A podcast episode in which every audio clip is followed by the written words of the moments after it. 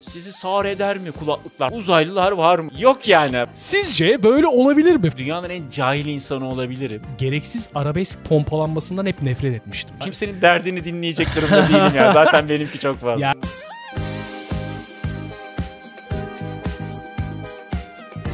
Merhaba arkadaşlar, The Yorekok Experience'ın yeni bölümüne hoş geldiniz. Bugünkü konuğumuz internet camiasından büyük bir zevkle izlediğiniz Mesut Çevik. Abi hoş Selam. geldin. Herkese selam, hoş bulduk. Öncelikle şeyi soracağım. Senin donanım haber nickname'in neydi? Speedstep'ti. Intel işlemcilerin ilk Centrino modellerinde dizüstü bilgisayarlara getirdikleri bir teknoloji vardı. Speedstep dediği kademeli olarak hızını düşürüp enerji tasarrufu sağlıyordu. Ben de hızlı adımlarla yürüyen bir adım. Dedim ne kadar uyuyor bu bana. Hem teknolojik hem şey. Kullanayım tarzında öyle başladım. Aslında o dönem için bayağı öngörüşlü bir hareket olmuş. Nickname üzerinden bile bu kadar. Çok hani ergendik ya. Bilmiyorum yani ne kadar öngörülü oldum o arada. Şu an aslında ilk defa tanışıyoruz. Yani ilk defa yüz yüze Ya bize- konuşuyoruz. Yıllardır takip ediyoruz birbirimizi ama Ya geçen biri yazmış. Bu YouTuber'ların hepsi birbirini nereden tanıyor abi demiş yani. Hepsi arkadaştı sonra mı ünlü oldular? Ünlü olduktan sonra tanıştılar diye. hive mind durumu söz konusu orada bence yani. Ya ama birbirimizi izliyoruz yani. Baktığında aslında aynı şirketin çalışanı gibi oluyorsun ya. Kesinlikle öyle. evet. Ben öyle görüyorum Ayrı açıkçası. departmanlardaymış gibi. Seni biliyorum sen de beni biliyorsun ama görüşmemiş oluyoruz. Aynen. Ya ha, şeyden bahsediyorum. Sen de ya, gözlemlediğim kadarıyla bir şair gibi yaklaşıyorsun. Biraz fazla e, romantik bir Çok seksi oldu yalnız ya. Şair gibi yaklaşıyorum. şair gibi yaklaşıyorsun. okşamadan başlamam falan tarzı. Ama yani şöyle bir durum var başlangıçta. Zaten insanların ilk takıldıkları şey video çekerken sende de mesela ığlama, eyleme yok. İlk vardı. Yani ona biraz alışma alışmam gerekti yani. Anlıyorum. Mesela benim sürecimi kolaylaştıran bir unsur var. Hatta işte kamera konusunda, kurgu konusunda bana yardımcı olan arkadaşlar da söylüyor. Benim 10 dakikalık, 12 dakikalık videom tek parçadır. Kesme yok sende Yok. bayağı. Tek shot'la çekiyorsun. Çok çok şeyse, aşırı fazla teknik veri ve sayı söylemem gerekiyorsa çek etmek için böyle arada keserim. Onları da üstüne video geldiği için çok anlamazsın. Ama 12 dakika, 12 dakikada biter. O diyor ki senin videoları montajlamak çok kolay. Atıyorum üstüne görüntü koyuyorum tarzında. Oo. Bu akıcılık şeyi sağlıyor insana. Yaparım. Ne olacak ki? Otururum, çekerim tarzında Evet yani ve o gerekiyor bence. Eğer bir içerik üretiyorsan, hani bir içerik üretmek istiyorsan bir şekilde sonuna kadar gitmen lazım. Çünkü Kesinlikle yorucu öyle. iş. Yani baktığın zaman çok basit gibi geliyor bu TikTok'tan dolayı büyük ihtimalle şu an revaçlı olduğu için. Kısa video çekmek daha zor bu arada. Benim hepsine saygım sonsuz. Denedim. Dedim ki kısa video bana göre bir şey değil. Ah, Çünkü yani söylemek istediğim çok şey var. Anlatmak istediğim şeyler karmaşık şeyler. Bir dakikada anlatınca ya eksik oluyor ya da karşı tarafa farklı bir şey anlatmış oluyorsun. Yani teknoloji içeriğinde bir de çok daha zordur. Yani ne, Daha birisi zor. bir yerini çektiğin zaman e, geri kalan şeyi tamamlayamayacağından emin olamazdım ben insanların tamam kafalarında otur yani bir şey eksik kaldı diye düşünürdüm açıkçası. Ya bir de şey var bende ya. Mesela orada tutması için bir şeyin sizi sağır eder mi kulaklıklar falan diye başlamam. Ya etmez yani. Sağır etse zaten olmaz. Anlatabiliyor muyum? Böyle bir şeyle başlamam Enerjik lazım. giriş değil mi? Enerjik giriş bir de soru işareti. Uzaylılar var mı? Yok yani. Olsaydı gelirlerdi zaten anladın mı? Birilerinin saklamasına gerek yoktu bunun. o biraz üzüyor beni açıkçası. Şey falan da yapıyor ya onu belki takip ediyorsundur. Evrim ağacı. Sizce böyle olabilir mi falan hani bu Yapmak zorunda ama. e işte yapmak zorunda yani o çocuğun hani gerçek hayatta öyle konuştuğunu düşünmüyorum. Hani oturup böyle Bu arada Evrim Ağacı apayrı bir kanal. Saygıyla selamlıyorum. Çünkü onun yaptığı her iş Kesinlikle kısa seviyoruz. videolar dahil. çok zor. Çok zor ve kaliteli içerik Çok zor. Yani bir kere bence genel izleyiciye, mainstream izleyiciye bir bilimsel içerik sunmak çok daha zor. Özellikle Türkiye'de bence. Çünkü bir onu bir basitleştirmen gerekiyor. Hani bu senin dediğin demin TikTok kısa video çekemiyorumu da yaşıyordur diye tahmin ediyorum. Kendimi onun yerine koyuyorum ve nasıl bunu insanlara e, verebilirim? Takıldığım nokta şu. Çok fazla içerik üretiyor. Ürettiği içerikler inanılmaz bir araştırma ve bilgi birikimi gerektiriyor. Hepsini bilmiyordur. Araştırıyordur kesinlikle. Bu vakti nerede buluyor? Yani yaptığı kurgular da çok akıcı ve heyecanlı. Hiçbir şekilde seni böyle düşürmüyor tempodan. Azaltmıyor da. Profesyonel bir iş yapıyorlar. Ellerine sağlık. Güzel gidiyorlar. Ellerine sağlık bence de. Yani Türkiye'deki hani boktan içerikleri düşündüğümde aralarından bir yıldız gibi çıkan kanallardan biri yani evet bence kesinlikle baktığımda. öyle. Mesela şu anki müzik hakkında bir şey düşünüyor musun? Dinliyor musun şu anki? Takip ediyor musun trendleri? Ya müzik konusunda dünyanın en cahil insanı olabilirim. Yani ben genelde şöyle yapıyorum. Spotify'ı açıyorum ve Spotify'ın benim için hazırladığı listeler var. Mesela Türkçe rap koleksiyonu. Türkçe rap koleksiyonu. Evet ve bir ay falan dinliyorum. Karışık MP3 kafasından çıkamamışız. Çıkamadım kesinlikle. Yani böyle bir spesifik bir sanatçı vesaire dinlemek yok. Bir de sanatçılarda da tuhaf bir şey. Yani single dedikleri bir şeye döndüler onlar. Zaten bir sanatçıyı da takip edemiyorsun. Bu çok güzelmiş ha ne kadar güzel söylüyor. Sözleri de hoşuma gitti. Bunun kaç tane var parçası dediğinde zaten adamın bir tane parçası var o da o falan oluyor genelde ve değişik bir şey var. Tek single çıkartıyorlar ve onun üzerinden bütün yaz dinlenmeyi hedefleyerek Evet. bir konsept Tuhaf gibi. bir durum var. Ya Çok eski parçalar oluyor ya da tek parçası yine o oluyor vesaire. Şu an ben öyle gidiyorum müzik konusunda ama müzik içeriği üretemem. Hiçbir yeteneğim yok bu konuda. Onun için ayrı bir kafa gerekiyor. Yani. Evet. Demin konuştuklar, konuştuklarımız neyse o da bambaşka kafa. Mesela Türkçe rapten sevdiğin biri var mı dinlediğin? Sanırım Blok Merak 3'tü. ediyorum. Ondan sonra bu C7 mi var? C5 var değil mi? Label G- C5. Evet. Ha, pardon ben ona hep C5 diyorum ama C5 diye okunuyormuş. C5 diye okuyor. Baya viski ismi evet. gibi söylüyorum. Mesela ben. o çok iyi bana Aynen. soracak olursan. Sonra bizim şu influencer, video influencer olup sonra şey rapçi olan kim vardı ya? Berkcan Güven. Berkcan Güven var. Mesela Ee, Berkcan Güven'in onu. de böyle çok böyle zekice tamam İngilizce Türkçe aşırı fazla karışık git gel yapıyor parçalarında ama çok güzel bana sorarsan. Sonra bir tane deli kız var. Alizade mi? Evet Alizade o da bence çok çılgın. Onu.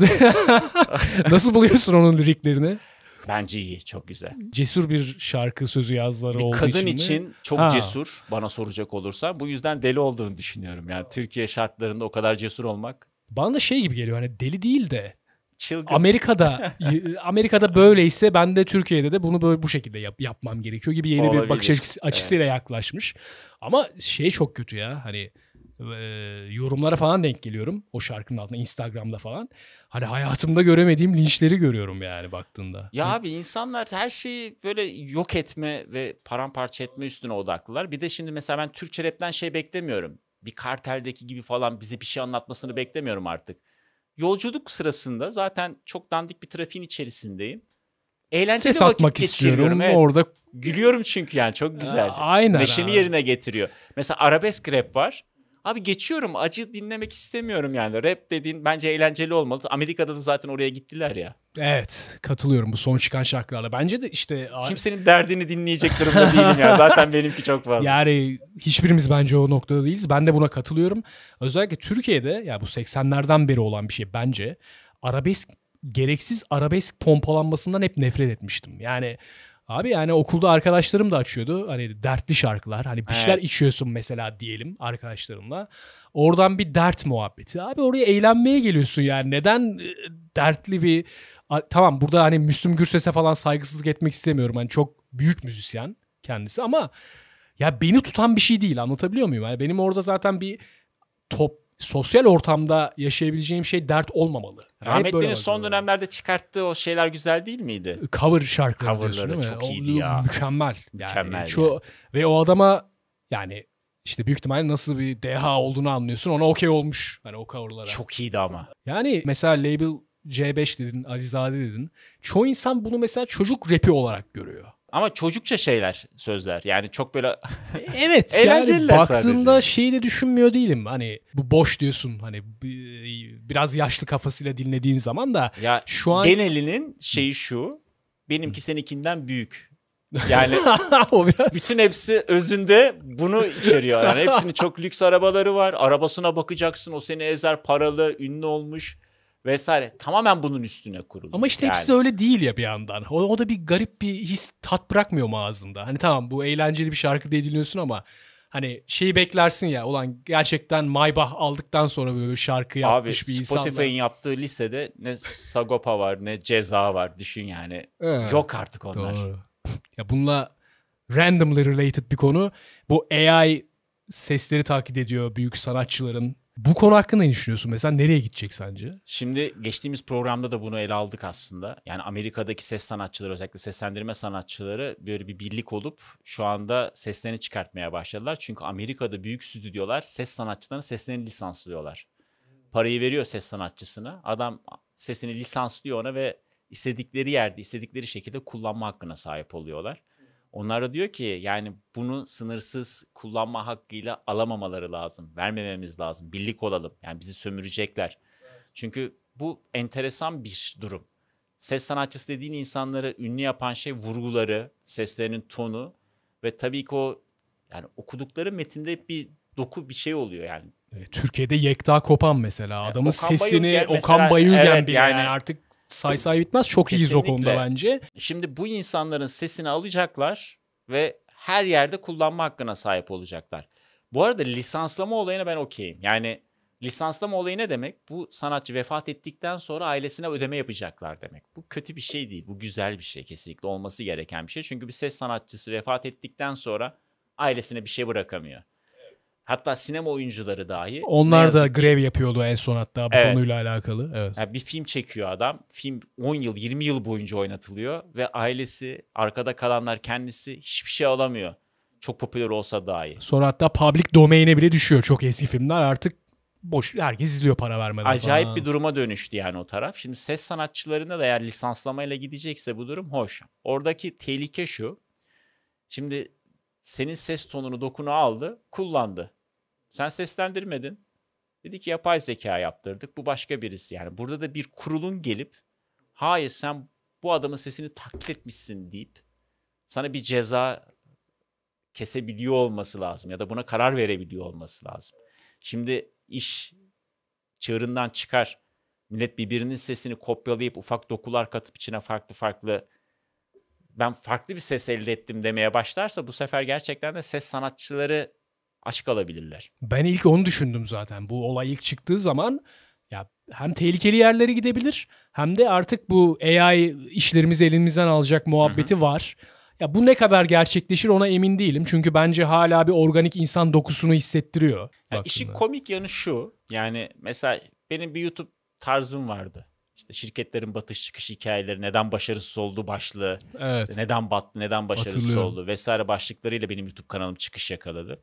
Sonrasında birçok kişinin benzer temada aynı başlıkları kullanarak hatta aynı marka hikayeleriyle videolar attığını gördük.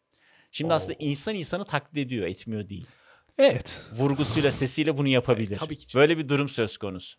Bunu yapay zeka yapınca wow yapamaz. E, insan yapıyor orada. Şimdi gel senin senin yaptığın konseptin aynısını çalan adam yok muydu? Var Ama yani. şimdi o konsepte sen bence ben şöyle bakıyorum hani Mesut Çevik olarak yapıyorsun. Tabii ki senden esinleniyor. Laps diye alıyor belki başlığı ama yani içeriye baktığı zaman aynı hissi vermiyor sonuçta. Hani boş yani. Vermiyor ama ben isyan etmiyorum mesela kalkıp da o bizim haklarımızı çalıyorlar, bu başlıkları atıyorlar falan filan. Bu konsepti ben şey yaptım Türkiye'de niye yapıyorsun? Saçma geliyor değil mi sana? Şimdi yapay zekada da böyle bir yere gider mi acaba? Çünkü şimdi yapay zeka taklit ediyor. Kimi taklit ediyor? İnsanı taklit ediyor aslında. Nedir? Sanatçının eserleriyle çalışılmış. Bir sanatçının eserleri bol bol gösterilmiş ona. Bunun gibi bir şey yap diyorsun. Sana bir şey yapıyor. Mesela Pixar'ın karakterleri hep şirinlerdir. Bugün Midjourney Pixar stilinde bana bir yengeç oluştur dediğinde sana gerçekten animasyon karakteri şirinliğinde bir yengeç oluşturabiliyor hemen. O kadar aynı oluyor mu ya? Çok iyi ben yapıyor. çünkü artifactlerden anlayabiliyordum en son yani. Şu anki versiyonda çok wow. zor. Evet. Ya belki onlar daha smooth, geçişli falan tipler olduğu için onu çok iyi yap- yapıyor olabilir yani. Yapıyor olabilir. Şimdi burada Pixar avukatlarıyla vesaire çok güçlü bir şirket olduğu için bir yerden sonra canlarını okuyacak. Ama bir el sanatçısı da aslında kimden esinleniyor? Karak izliyor izliyor izliyor animasyonları. Bir insan çizdiğinde bir şey yapamıyorsun. Esinleniyor olabilir yani oradan. Evet. Pixar'a benzer bir şeyler yap. Yani mesela bir sanatçıya gittin dedin ki bana bir karakter lazım. Nasıl bir karakter lazım abi dedi. Ya Pixar'ın karakterleri görüyorsun ya işte büyük gözlü oluyorlar, şerit şirin oluyorlar. Aslında evet o karakteri andırıyor, andırıyor hayvanı ama hayvanla da pek alakası olmuyor. İnsansı bazı çizgileri oluyor gibi dedin. Anlattım bu şekilde. O da sana bir şey çizdi. Şimdi yapay zeka bunu yapınca abi o nasıl yapar? Ama işte bir insana sen tarif edip de ne istediğini aynısını insan çizdiğinde orada çok bir sürü tartışma var. Bu tartışmaları benim yetkinliğim yetmez yani. Okey anladım. Nereye gideceğimiz Yani ama gri bir hep alanda. arada kaldığım yerler bunlar. Evet. Yani kötü mü iyi mi? Doğru mu yapıyor yapay zeka bunlardan esinlenmekle yanlış mı yapıyor? Buna bence birkaç ülkenin hukuk sisteminin Gerçekten oturması lazım ama hiç öyle gözükmüyor. Mesela karar. NFT'ler vardı bir ara. Onlarda Hala da var. ot hala var. Yani bir ara var dediğim bir ara popüler Evet. oldu. Sonra bu o kadar konuşulmuyor Evet falan. kesinlikle. Orada da mesela şey boştu yani başkasının içeriğini alıp satabiliyordu adam. Hani tamamen bir portreyi ya da bir YouTube videosunu koyup satabiliyor yani. Ona da hukuksal düzenleme getirilemedi. Bununla nasıl getirilebilir emin değilim. Onda şöyle bir şey vardı. Hani yapanlar yakalandığı zaman tazminat cezası ödemek zorunda Ha. kaldılar ya da satıştan kaldırdılar. Çünkü Türkiye'de özellikle oldu bu. Türkiye'de vefat etmiş kim sanatçımızın Cüneyt Arkın gibi. Bazı çizimleri NFT yapıldı. Sanatçı dedi ki bunu ben çizdim. Ama yani Cüneyt Arkın sonuçta yani. Ve kaldırttılar. Çok çok gri bir alan ya. Onda, Mesela orada da Atatürk portresi çizdin. evet. Onun bir lisans sahibi var mesela onu satabiliyorsun ama o da garip. Kontrol altına alınamaz Evet ama kopya yani. eserde haklısın. Kopya eserde tartışma yok. Yani benim eserimi kopyalayıp satamazsın. Ama esinlenme, birinin portresini çizmek. Çünkü şöyle bir durum var. Acaba o portrede Cüneyt Arkın olduğu için mi o portre satıldı yoksa o portreyi X kişi çizdiği için mi o portre satılıyor ve değerli oluyor? Peki sence AI gerçekten işleri alacak mı? Öyle bir genel bir soru sorayım. Şimdi şu anki AI'da generatif AI dediğimiz kısımda yani bir şeyleri oluşturan, bize gösteren, ses oluşturan, görüntü oluşturan AI kısmında çok ciddi bir atılım var ve mesela biz kendi girişimimizde eskiden el çizimi yapan birçok sanatçıyla çalışıyorduk. Kestik hepsiyle çalışmayı. Midjourney bizim için yetiyor ve Midjourney çok daha hızlı sonuçlar almamızı sağlıyor kart tasarımlarında. Mesela biz Can Sungur'la beraber yaptığımız programda çeşitli koleksiyon, dijital koleksiyon kartları Hı, dağıtıyoruz. görmüştüm. Orada kimi karakterler bizim suratımızdan esinlenilmiş işte farklı tarzlarda çizimlere sahipler. Bunu herhangi bir el çizimi yapan insana sorduğumuzda çizim başına bizden 40 dolarla 100 dolar arasında bir fiyat istiyor ve tek bir çizimi teslim etme süresi bir haftayı falan buluyor. Midjourney'de bizim bu işi yapmamız aylık olarak sınırsız 50 dolar.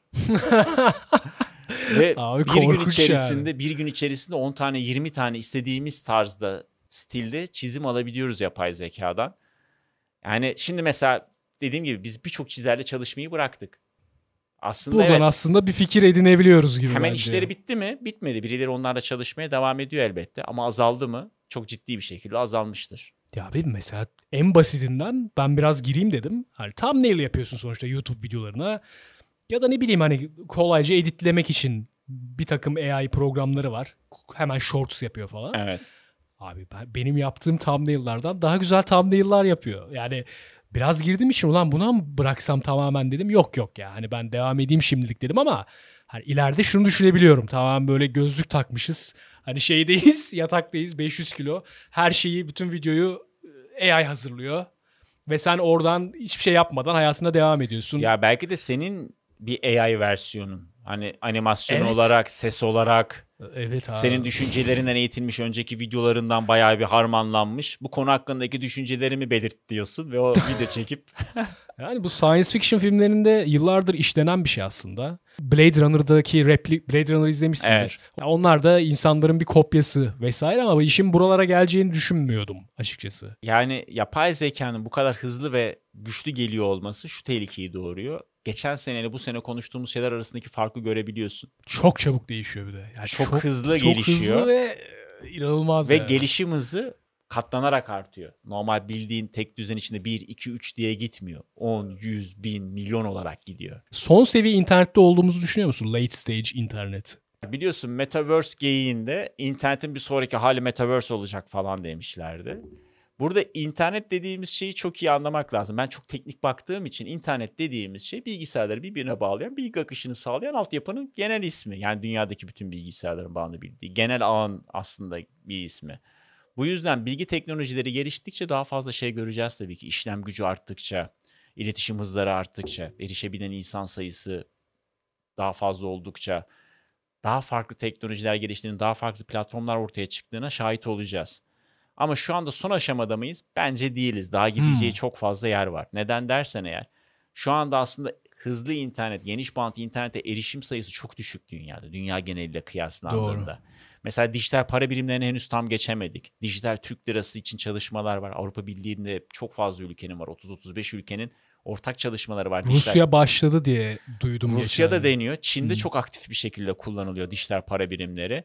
Yani nakit paranın tamamen yok olduğu, elimize kağıt, metal hiçbir şey almadan yine cep telefonu üstünden, saatin üstünden ya da biyometrik doğrulama üstünden para harcayabildiğin bir sistem.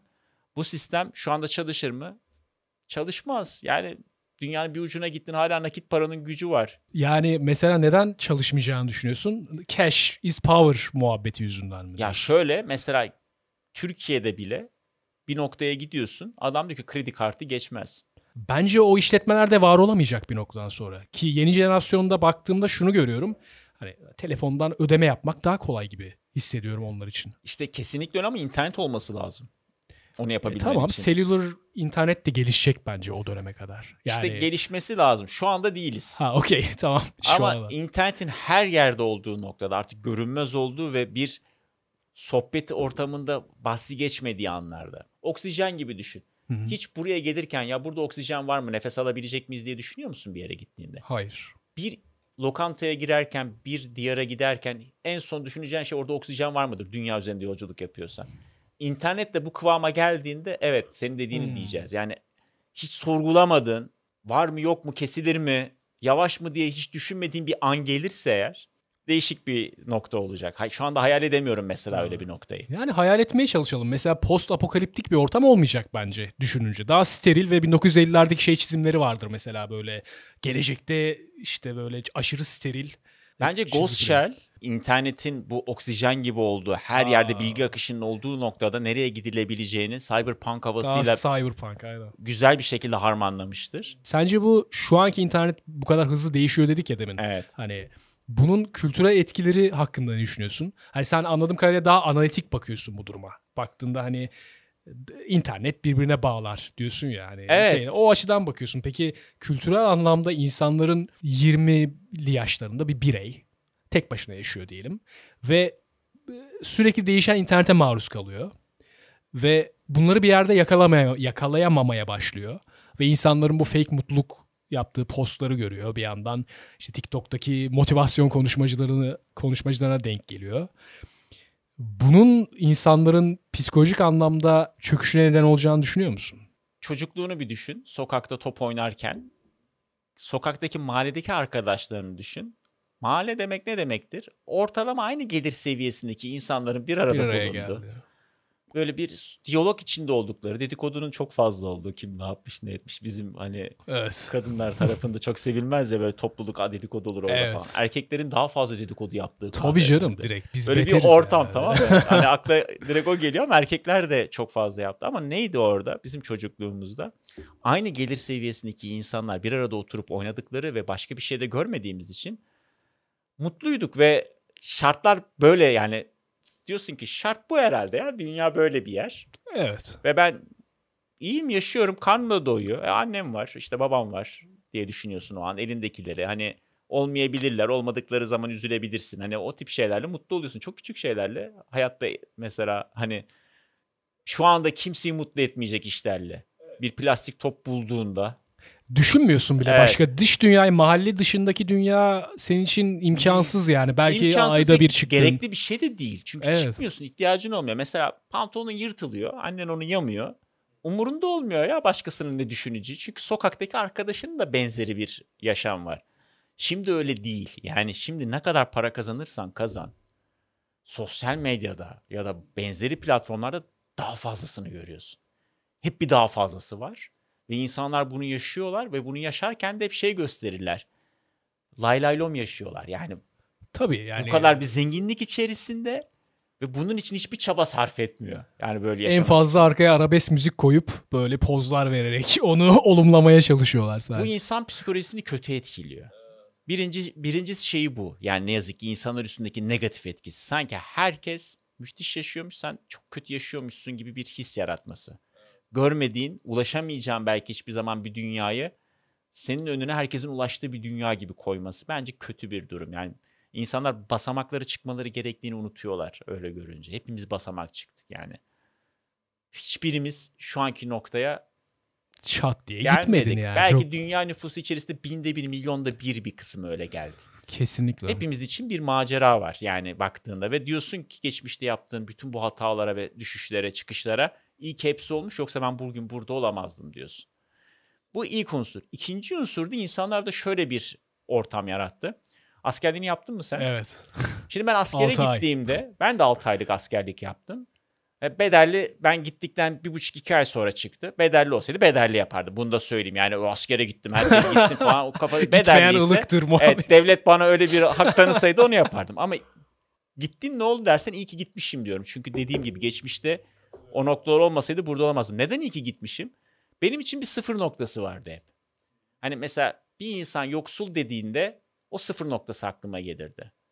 Sonradan öğrendim ki askere gidip insanlarla tanışıp hayatlarını öğrenince. Abi o sıfır noktam benim bayağı lüksmüş ya. Yani bayağı üst düzey bir şeymiş. Yani Ben etkisinden çıkamadım uzun sıfır dediğim nokta. Abi benim için eksi yüzde eksi binde adamlar var. Hayatta kalmaya çalışıyorlar. Geyik vardır ya askerdeki 10-20 lirayı toplayıp ailesine var ve bunu görüp o adamın yaşantısını gördüğün anda anlıyorsun ki "Ha, bu ülke diyorsun ya şeyi sorguluyorsun. Nasıl olabilir ya? Böyle bir insanın bu seviyede hayat sürmesini nasıl şey yaparlar, kabul edebilirler ve buna niye kimse yardım etmiyor? Hani çok kötü kodlanmış NPC gibi takılan insanlar vardı hatırlıyorum. Mesela aklında var mı öyle bir örnek denk geldiğin? Çok absürt. Ya benim absürt şudur. Şimdi biz tabii ki diplomalılar olarak gidiyoruz ve şey bekliyoruz ya. Herkes kısa dönem yapıyor. Zannediyoruz ki o bedellilerin ilk dönemi gibi işte Tarkan'dan aynı anda askerlik yap, kışla doğal falan. Arkadaşı aradım. Arkadaşım da çok sevdiğim bir mühendistir, inşaat mühendisi. Direkt dedi ki, gördün mü ulan dedi ne kadar dedi diplomalı öküz varmış. Şeyi de sorguladım orada gerçekten. Sen nasıl mezun olabildin ya? Yani Türk Dil Yani- Edebiyatı'ndan mezun olup Türkçeyi düzgün konuşamayan adam ve kitap okumamış mesela. Bizim komut bölük komutanı da biraz şeydi gırgır. en son okuduğun kitap falan söylüyor. Okumamış abi. Türk Dil Edebiyatı'ndan nasıl mezun olabildin ya? Şeyi sorguluyorsun. Niye bu kadar üniversite var? Yani bu biraz konudan konuya geçiyoruz. Evet, Şeye geleceğim geldi. noktayı Aynen. anlatacağım sana. Evet buyur. Abi geleceğim nokta şu. Bir kesime de bizim askerde gördüğümüzü gösterdi sosyal medya. Ve bu insanlarla birebir aynı ortamda bulunma Çok güzel benzetme bu arada. evet, nedeni sundu. Onlar da bir şokla karşılaştı. yani böyle Aynen. "Hop, nasıl olabilir ya falan. Ay bunlar hep varmış yani. Bayağı da fazlalarmış ne yazık ki. Sen ilk defa aynı ortamda bir araya geldin ve onun yorumlarıyla karşılaşıyorsun. Garip geliyor yani. Baktığında evet. Ya mesela ebeveynlerin nasıl bir yaklaşımda olmasını düşünüyorsun bu konuda? Hani bu sosyal medya ortamında büyüyecek çocuklar var sonuçta diyelim. Hani sence tamamen böyle kesilmeli mi o TikTok bilmem ne iptal mi yoksa hani kontrollü bir şekilde mi ilerlemeli? Abi çocuk Çünkü- sahibi olmak çok zor bir Ha, şey. onu soracaktım. yani şöyle tuhaf bir durum var.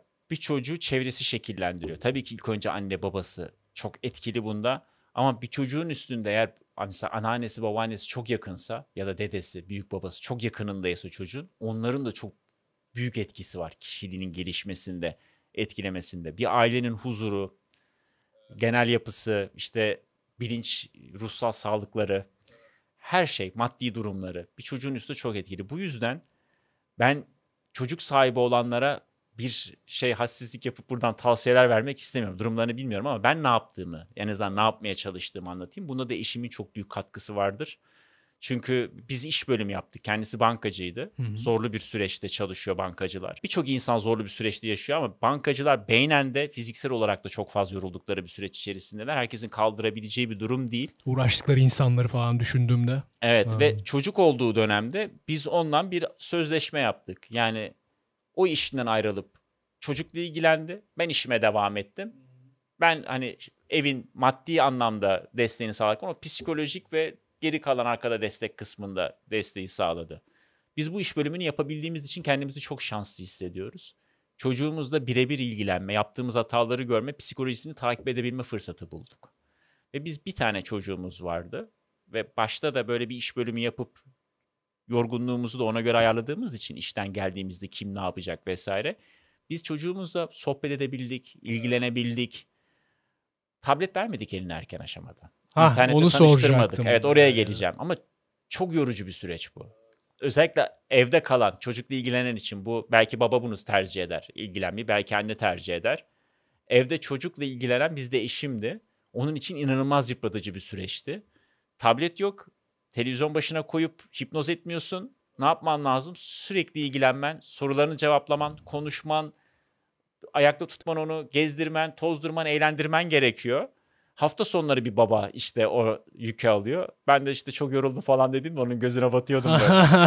Mesela yani restorana gittiğimizde abi menüden ona seçtirtiyorduk. Ha, Sohbet edip mesela. tatları konuşuyorduk. Bugün Bartu'yla git bir yere yemek ye çok keyif alırsın yemek yerken. Sana içinde şu mu var der. Menüden seçer. Yeni bir şey varsa onu dener. Soslar hakkında konuşur. Sosları dener. Neden? Çünkü biz yemek yemeye gittiğimizde de eline tablet vermedik. Pardon orada bir lafını keseceğim de şeyi çok merak ediyorum. Bu mahallede büyüdük muhabbeti Evet. yapıyoruz ya deminden beri. Sizde de böyle şehir efsaneleri oluyor muydu? Şu mahalleye gidersen orada seni kaçırırlar ve gerçekten de kaçırılan çocuklar olduğunu hatırlıyorum mesela. Şimdi Ona denk gelmiş miydin? Heybeliada'da büyüdüm. Oo. Yani doğdum. Heybeliada'daydım. Güzel Ve ondan sonra evet 18 yaşıma kadar orada kaldım. Heybeliada'nın kendisi bir mahalle. Evet. biliyorum. Büyükada bir mahalle. Hani Severim Bizde bayağı. öyle geçer. Şimdi biz adada olduğumuz için ben hiç böyle şeyler yaşamadım. Ben İstanbul'a taşındığımızda işte bize anlatıyorlardı. Maltepe'de oturuyorduk. Bak işte şuradan yukarı gidersen Hmm. akşamleyin götünü keserler falan. Abi diyorum nasıl bir yer burası? Çünkü adada biz yani kapıyı kitlemeden uyuyoruz. Herkes Tabii herkesi canım, tanıyor. Sims gibi bir yer yani baktığında. Sims'te Aynen. mahalle kurmuşsun gibi bir şey adalar. Kesinlikle öyle müthiş bir Müthişmiş. çocukluğum oldu. Yani sokaktasın. Şimdi site hayatında yaşayamıyor bazen çocuklar onu. Biz sokakta 20-30 çocuktuk. Gece 2'de falan eve girerdik. Çocuklar şimdi bunu yaşayamıyorlar Evet. tabii birçoğu ne yazık ki. Büyük sitelerde, güzel sitelerde yaşadıkları düşünüyorum. Yani bir güvenlik Evet, ortamı tabii var, ki. bahçeleri vesaire var ama İmkanı yok için- canım. evet böyle imkanlar söz konusu değil.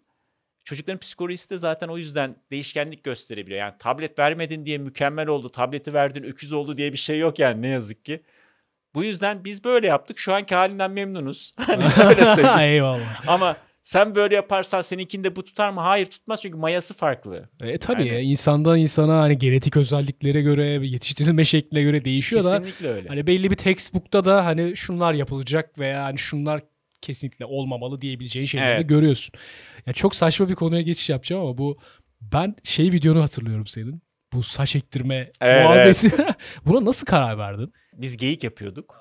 Enis'le beraber çektiğimiz programda. Ha, evet. Enis Kirazoğlu'yla biliyorsun. İkisi bir diye program yapıyorduk biz o sırada. Ben de çok korkuyordum çünkü böyle benim saç dökülmem çok garip. Bir gün bir arkadaş geldi baktı sektörden şöyle baktı. Oğlum dedi çok çirkin döküldü lan senin saçların. Sonradan bakıyorum gerçekten niye kazıtmamışım tamamen diyorum. Yani az saçlı olmak hiç saçlı olmamaktan daha kötü. Ha abi. sen şey biraz uzatıp üstü boş gibi takılıyordun. Biraz tuhafmış hatırlıyorum, ya. Yani tamam, şöyle anladım, baktım anladım. biraz tuhafmış yani. Okey. Niye böyleymiş dedim sorguladım. Şimdi biz programda geyik yaparken ya dedim birisi sponsor olsun bize de saç ektirelim falan. Ama arkadaşlar anlatıyor masada bayıldık diyen var acıdan. Şöyle oldu böyle oldu diyen var. Çok da korkuyorum geyik yapıyoruz yani. Sonra birisi yazdı bana dedi ki Mesut Bey dedi benim kardeşim dedi iyi bir klinikte bu işi yapıyor. Çok da güzel bir ekibi var. Ya ben sizi çok seviyorum dedi. Enis'e de size de dedi şey yapalım mı? Enis istemedi o zaman dönem. Ya dedim eşimle konuştum. Ya yaptır ne olacak dedi. En kötü dedi. Kötü olursa zaten yok saçın. Kazıtırsın dedi yani. Mantıklı. Ondan sonra yaptırdım ve bana şey sözü verdiği için yaptırdım. Çocuk geldi ve sıfır acı olacak dedi. Sıfır Oldu mu acı. peki? Abi Evet. sıfır acı oldu. Oo. Evet. Benim duyduğuma göre oluyor çünkü acı. Hatta birkaç Ya şimdi ben sürüyor. böyle söyledim. Benim altımda yazanlar var. Lanet olsun hayvan gibi acıdı yalan söylüyorsun şerefsiz falan diye. Ya orada da acı eşiği denen bir durum varmış. Hmm. Şimdi bazı insanlara benim acı eşiğim yüksek ben hissetmedim deyince hani delikanlıyız biz hissettik. Öyle bir şey yok yani bu yaratılıştan gelen Tabii bir şey. canım aynen. Benim sinirler algılamıyor abi. Yani belki de kötü bir şey yani algılamaması da bu kadar acıyı anladın mı? Belki de yani bir şey oluyor lan demesi lazım bana. Daha az diyorlar. Yani ben hiç acı hissetmedim hatta uyudum bir dön- şeyde o esnada. Öyle bir acısızlık.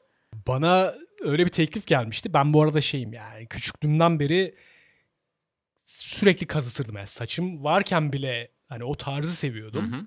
O yüzden böyle hani kelmel muhabbetlerini çok takmıyordum büyürken de. Ben zaten kafamı kazıtıyorum kanka falan modundaydım. Sonra Crossover Talks'ta bölümde bu kellik muhabbetine girdi. Saç ektirme muhabbeti. Hı hı. Hani orada biraz böyle abartarak şey diyorum ya o ne ya özgüvensiz saç ektirilir mi falan filan espri yapıyorum orada. Mesut Çevik alttan banttan geçiyor böyle.